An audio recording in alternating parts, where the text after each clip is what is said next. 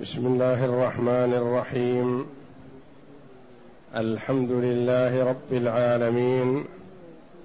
والصلاة والسلام على نبينا محمد وعلى آله وصحبه أجمعين. وبعد.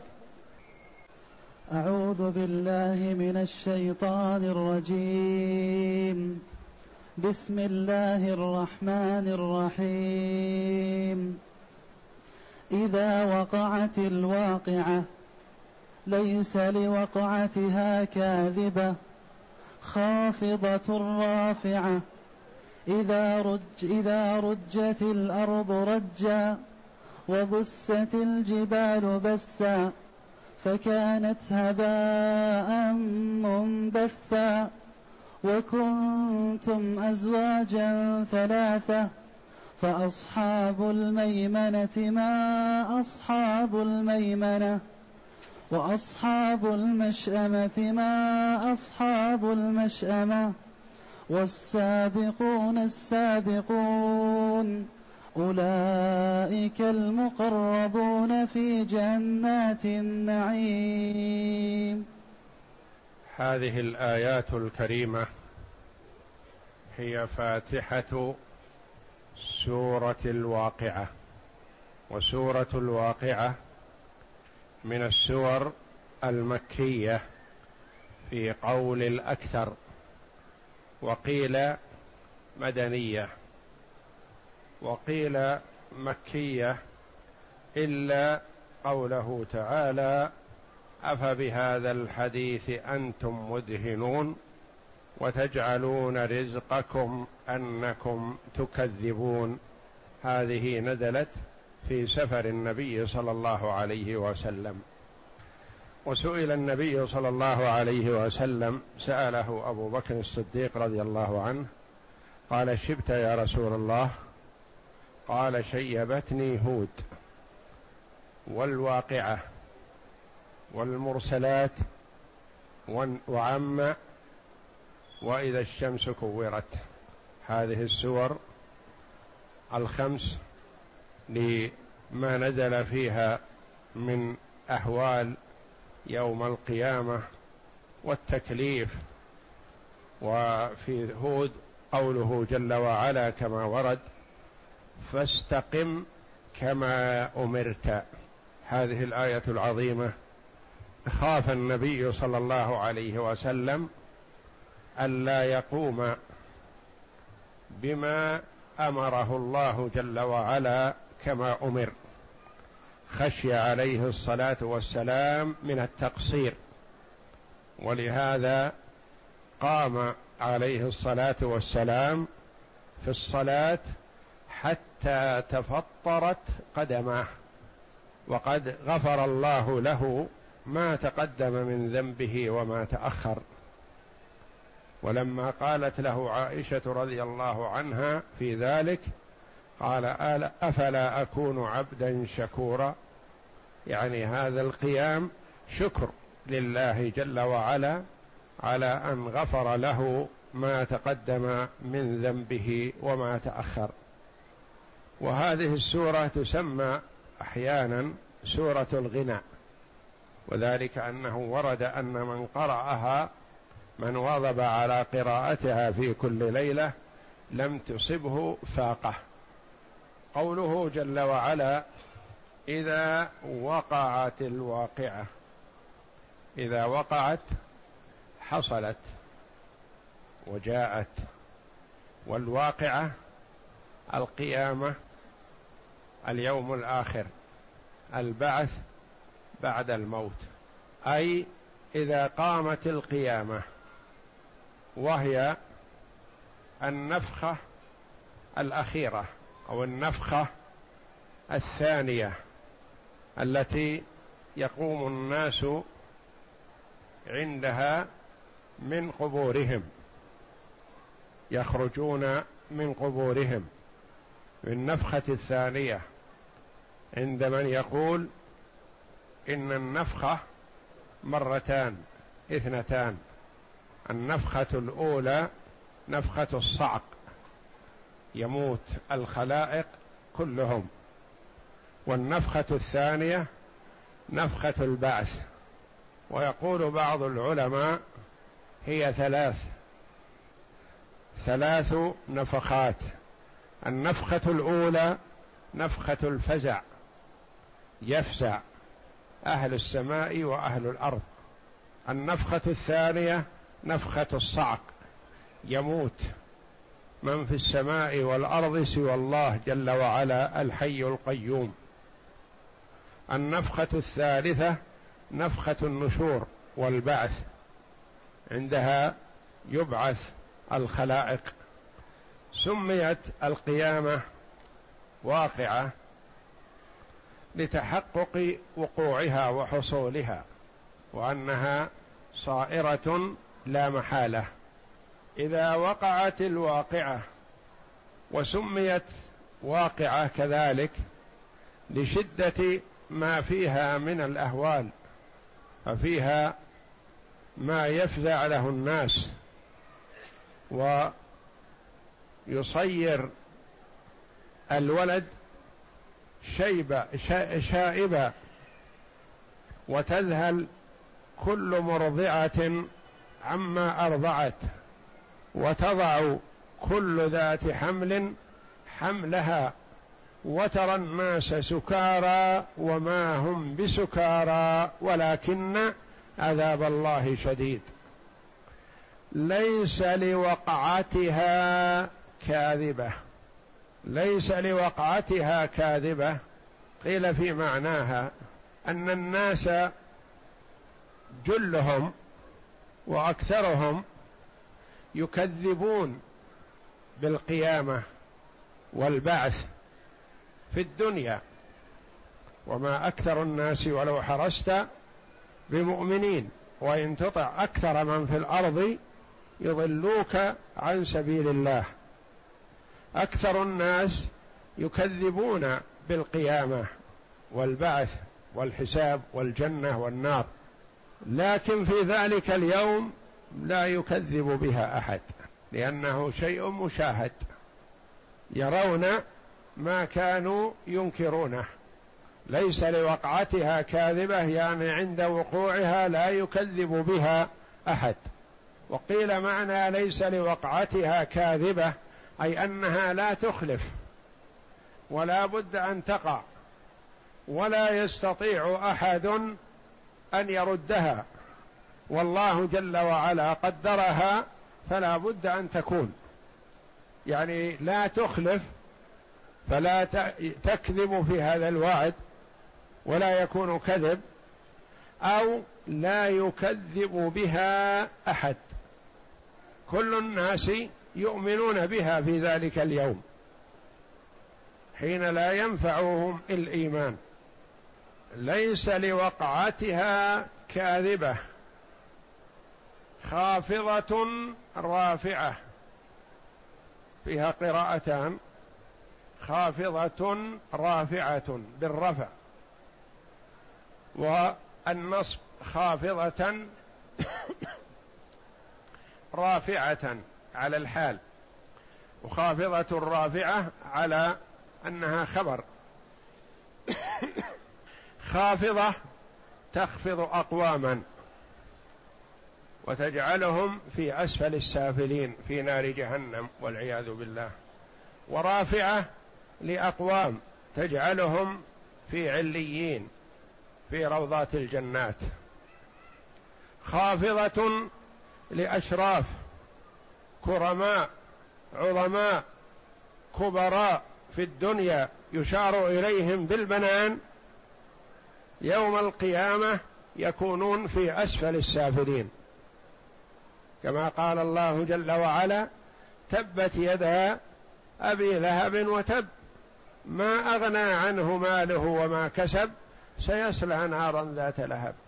وأبو لهب من عظماء قريش وشرفاء قريش وكبراء قريش وسادات قريش وترفع أقواما لا يوبه لهم. ولا يهتم لهم في الدنيا ولا يعارون أي اهتمام. محتقرون مزدرون عند الناس لفقرهم وضعفهم.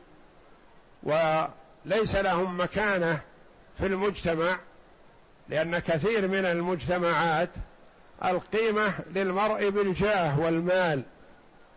والفقير والضعيف لا قيمة له ولا يوبه له. يرفعه الله جل وعلا في أعلى عليين في الفردوس الأعلى. رب أشعث أغبر مدفوع بالأبواب لو أقسم على الله لأبره. يعني يكون لا قيمة له عند الناس لكنه عند الله جل وعلا له شأن. خافضة رافعة. تخفض أقواما وترفع آخرين. لأن القيمة في ذلك الموطن للمرء بتقواه وإيمانه بالله جل وعلا وتصديقه بوعد الله ووعد رسوله كما أنه لا قيمة له مهما يكون إذا كفر بالله وأعرض عن طاعته. وكذب رسوله صلى الله عليه وسلم.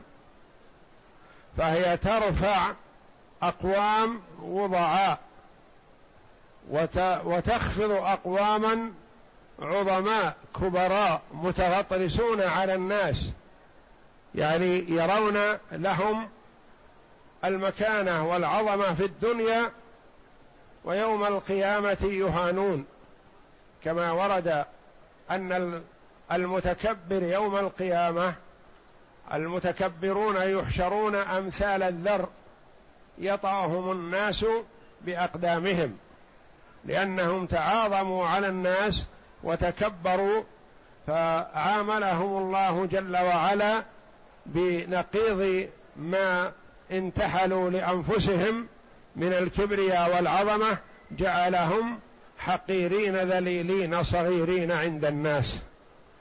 خافضة رافعة أي هي أو القيامة أو الواقعة خافضة رافعة.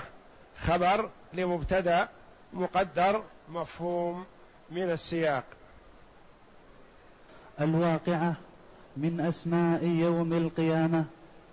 سميت سميت بذلك لتحقق كونها ووجودها كما قال تعالى فيومئذ وقعت الواقعة.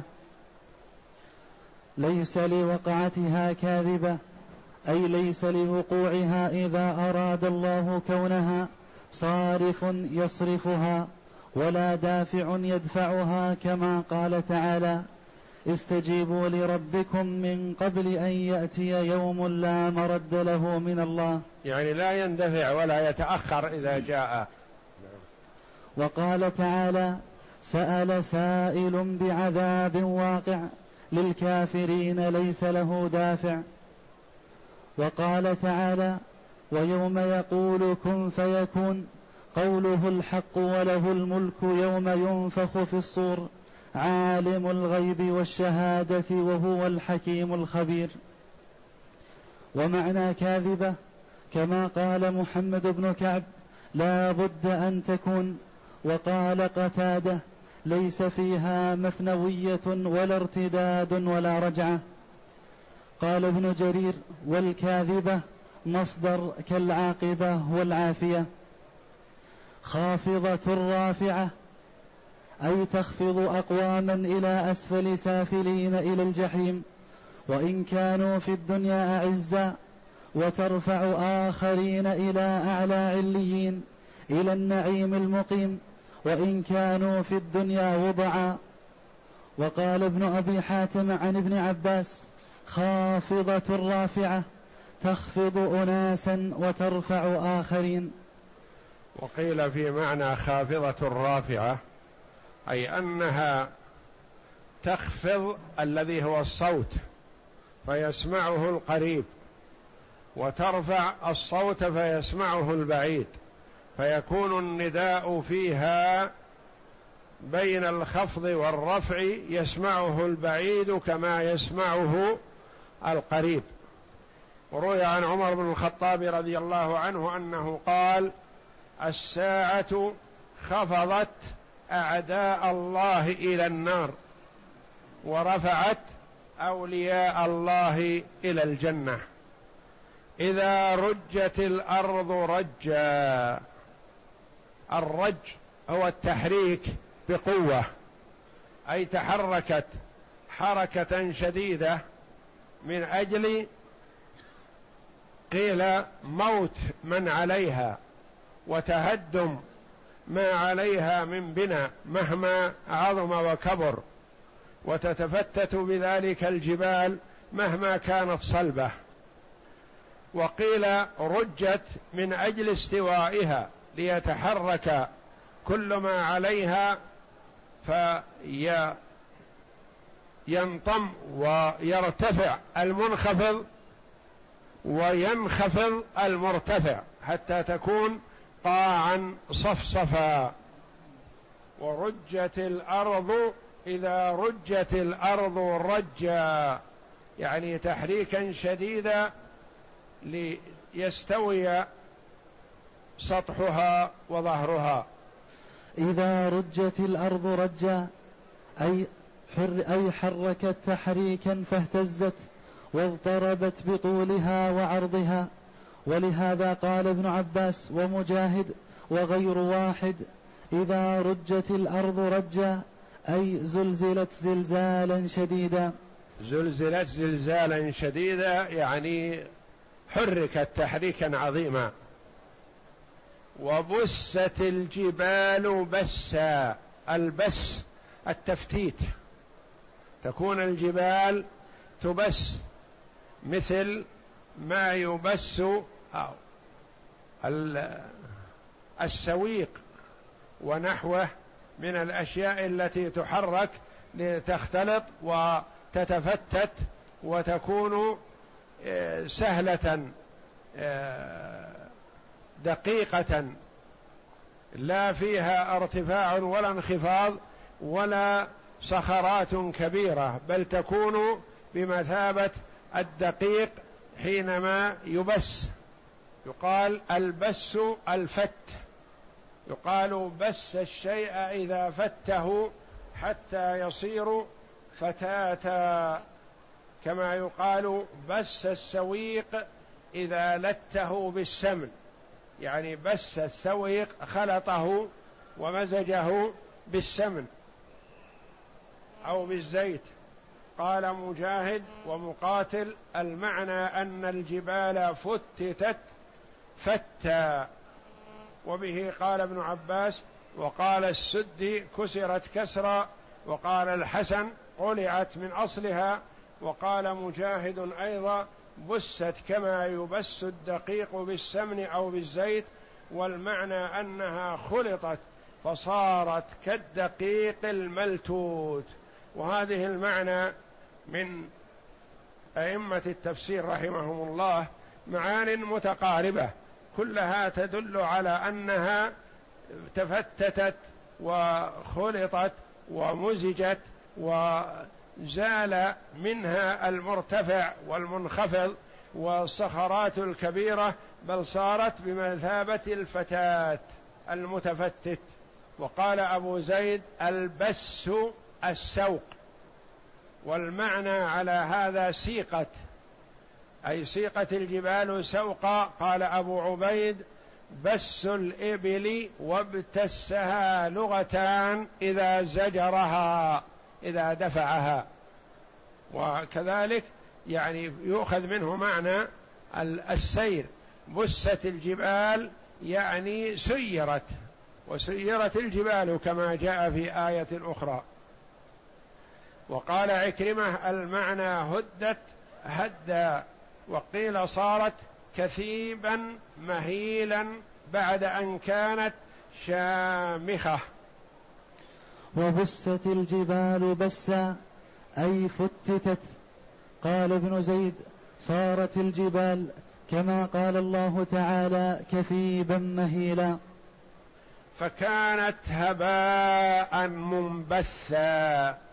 هذه الجبال العظيمة تكون هبا والهبا ما هو؟ قيل هو الغبار. وقيل هو ما يرى من الكوة. إذا دخلت الشمس يرى كأنه شيء وليس بشيء. وقيل الهبى هو الشيء الذي يثور من سنابك الخيل. إذا سارت الخيل هذا الغبار يرتفع ثم ينهبط ولا يكون له أثر. لا يرفع الأرض ولا يكون له أثر. فكانت هباء منبثا أي غبارا متفرقا منتشرا بنفسه من غير حاجة إلى هواء يفرقه.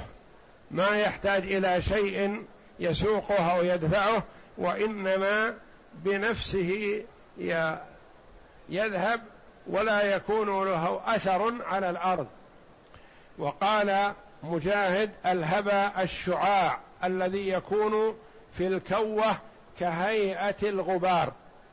وقيل هو الرهج الذي يسطع من حوافر الدواب ثم يذهب.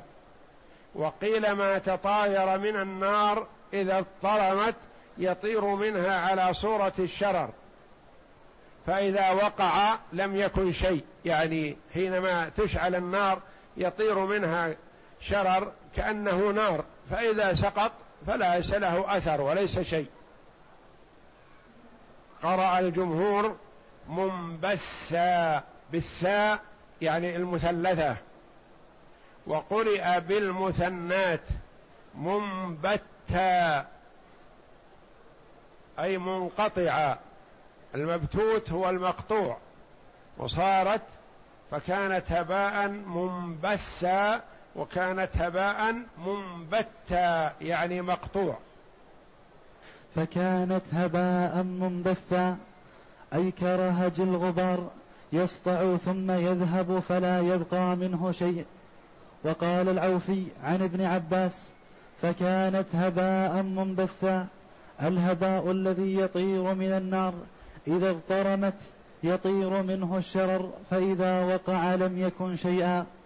وقال عكرمة المنبث الذي ذرته الريح وبثته هباء منبثا كيبيس الشجر الذي تذروه الرياح. وهذه الآية كأخواتها الدالة على زوال الجبال عن أماكنها يوم القيامة وذهابها ونسفها أي قلعها وتصير كالعهن المنفوش. وكنتم ازواجا ثلاثة. كنتم أيها الخلق المكلفون. ازواجا ثلاثة والخطاب لهذه الأمة وغيرها معها. وكنتم ازواجا ثلاثة أي أصناف. اصنافا ثلاثة ثلاثة أصناف. وكنتم ازواجا ثلاثة. فأصحاب الميمنة ما أصحاب الميمنة. يعني ينقسم الخلق في ذلك اليوم إلى ثلاثة أقسام.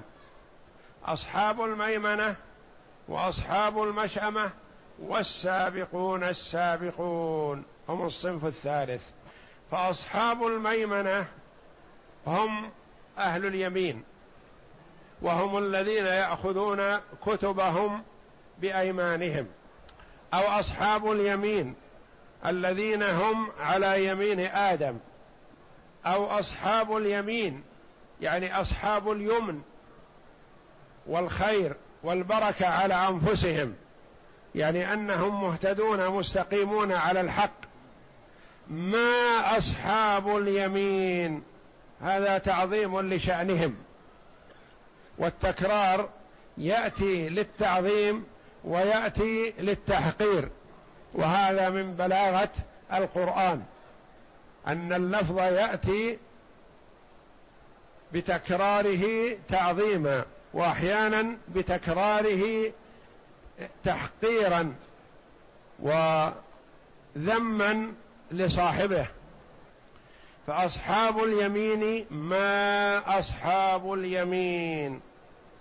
فأصحاب اليمين هذا المبتدا ما أصحاب اليمين الجملة خبر.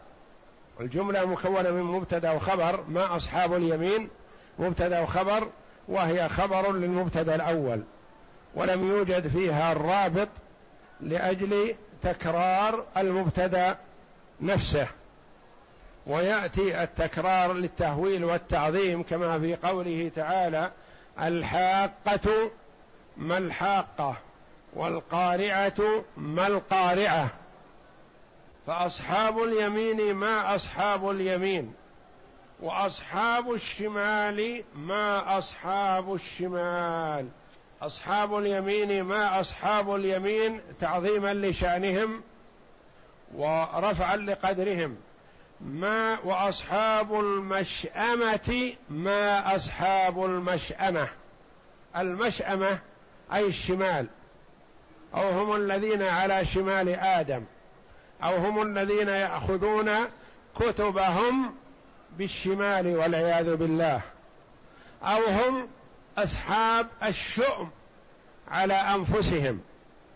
والشؤم العرب كانت تتشاءم مما يأتي على الشمال تتشاءم منه تتشاءم من الطير إذا جاء من جهة الشمال وتتيامن وتسر بالطير إذا جاء من جهة اليمين. أصحاب الشمال أصحاب الشؤم على أنفسهم. قال أهل اللغة وسمي اليمن يمن والشام شام لأن اليمن على يمين الكعبة من جهة الباب والشم والشام من جهة شمال الكعبة.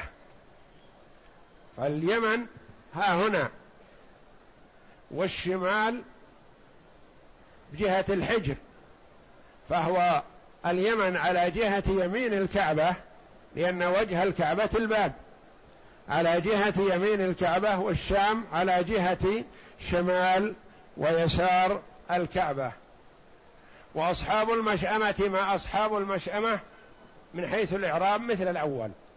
أصحاب المشأمة هذا المبتدأ. وجملة ما أصحاب المشأمة مكونة من مبتدأ وخبر هي خبر المبتدأ الأول. والسابقون السابقون. هذا الصنف والزوج الثالث وكنتم أزواجا ثلاثة. قد يقول قائل السابقون السابقون هم الأفاضل. وهم المقدمون. فلما أخروا وقدم أصحاب اليمين وأصحاب المشأمة عليهم في نسق الآيات هذا. الجواب أن الله جل وعلا يريد أن يتصل بهم وصفهم. والسابقون وقليل من الآخرين إلى آخر الآيات. وأولئك ذكرهم فقط ثم يأتي التفريع والوصف لحالهم. والسابقون السابقون. السابقون مبتدا الأول. والسابق أو السابقون خبر. السابقون السابقون. والسابقون السابقون الواو حرف عطف. والسابقون مبتدا. والسابقون الآخر خبر. السابقون هم السابقون. السابقون إلى الإيمان والإسلام والأعمال الصالحة. هم السابقون إلى الجنة. أو السابقون إلى ظل الله جل وعلا يوم لا ظل إلا ظله. أو السابقون إلى الإتيان إلى المسجد الصلوات الخمس. والسابقون المستجيبون لنداء الجهاد يعني يخرجون مسرعين. هؤلاء السابقون هم السابقون في الدار الآخرة أو السابقون بالأعمال الصالحة هم السابقون إلى الجنة. وقال سعيد بن جبير رحمه الله هم السابقون إلى التوبة وأعمال البر. وقال مجاهد هم الذين سبقوا إلى الجهاد وبه قال الضحاك. وقيل هم السابقون إلى الصلوات الخمس. وقيل هم المسارعون إلى الخيرات. السابقون في هذه الأعمال الجليلة هم السابقون في الدار الآخرة عند الله جل وعلا. وقيل نزلت في من سارع وسبق إلى التصديق إلى تصديق الأنبياء. قيل يوشع ابن نون سبق إلى موسى ومؤمن آل ياسين سبق إلى عيسى وعلي بن أبي طالب سبق إلى رسول الله صلى الله عليه وسلم وعلى الجميع صلوات الله وسلامه. وعنه قال نزلت في حزقيل مؤمن آل فرعون وحبيب النجار الذي ذكر في سورة ياسين وعلي بن أبي طالب رضي الله عنه. وكل رجل من هؤلاء الثلاثة هو سابق أمة. وعلي رضي الله عنه أفضلهم لأنه من صحابة رسول الله صلى الله عليه وسلم ورسول الله صلى الله عليه وسلم أفضل الأنبياء. وعن عائشة رضي الله عنها قالت عن رسول الله صلى الله عليه وسلم قال أتدرون من السابقون إلى ظل الله يوم القيامة؟ قالوا الله ورسوله أعلم. قال الذين إذا أعطوا الحق اعطوا الحق قبلوه. وإذا سئلوا بذلوا وحكموا للناس كحكمهم لأنفسهم. يعني هم الذين يقبلون الحق إذا أعطوه وإذا طلب منهم الحق أعطوه وحكموا بالعدل. أولئك المقربون يعني هؤلاء السابقون السابقون أولئك المقربون إلى الله جل وعلا في جنات النعيم في جنات النعيم الجنات التي يتنعم بها المتنعمون. وإضافة الجنات إلى النعيم من إضافة الشيء إلى ما يوجد فيه.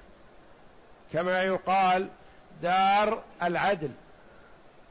يعني هذه الدار فيها العدل. جنات النعيم الجنات هذه فيها النعيم الذي أعده الله جل وعلا لأوليائه.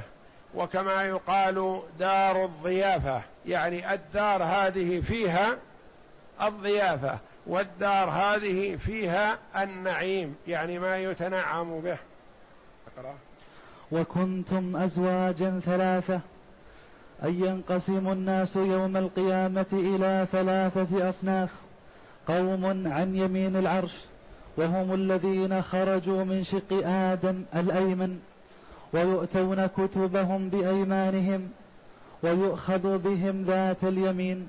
قال السدي وهم جمهور أهل الجنة وآخرون عن يسار العرش وهم الذين خرجوا من شق آدم الأيسر ويؤتون كتبهم بشمائلهم ويؤخذ بهم ذات الشمال وهم عامة أهل النار عياذا بالله من صنيعهم وطائفة سابقون بين يديه وهم أخص وأحظى وأقرب من أصحاب اليمين الذين هم سادتهم فهم الرسل والأنبياء والصديقون والشهداء وهم أقل عددا من أصحاب اليمين.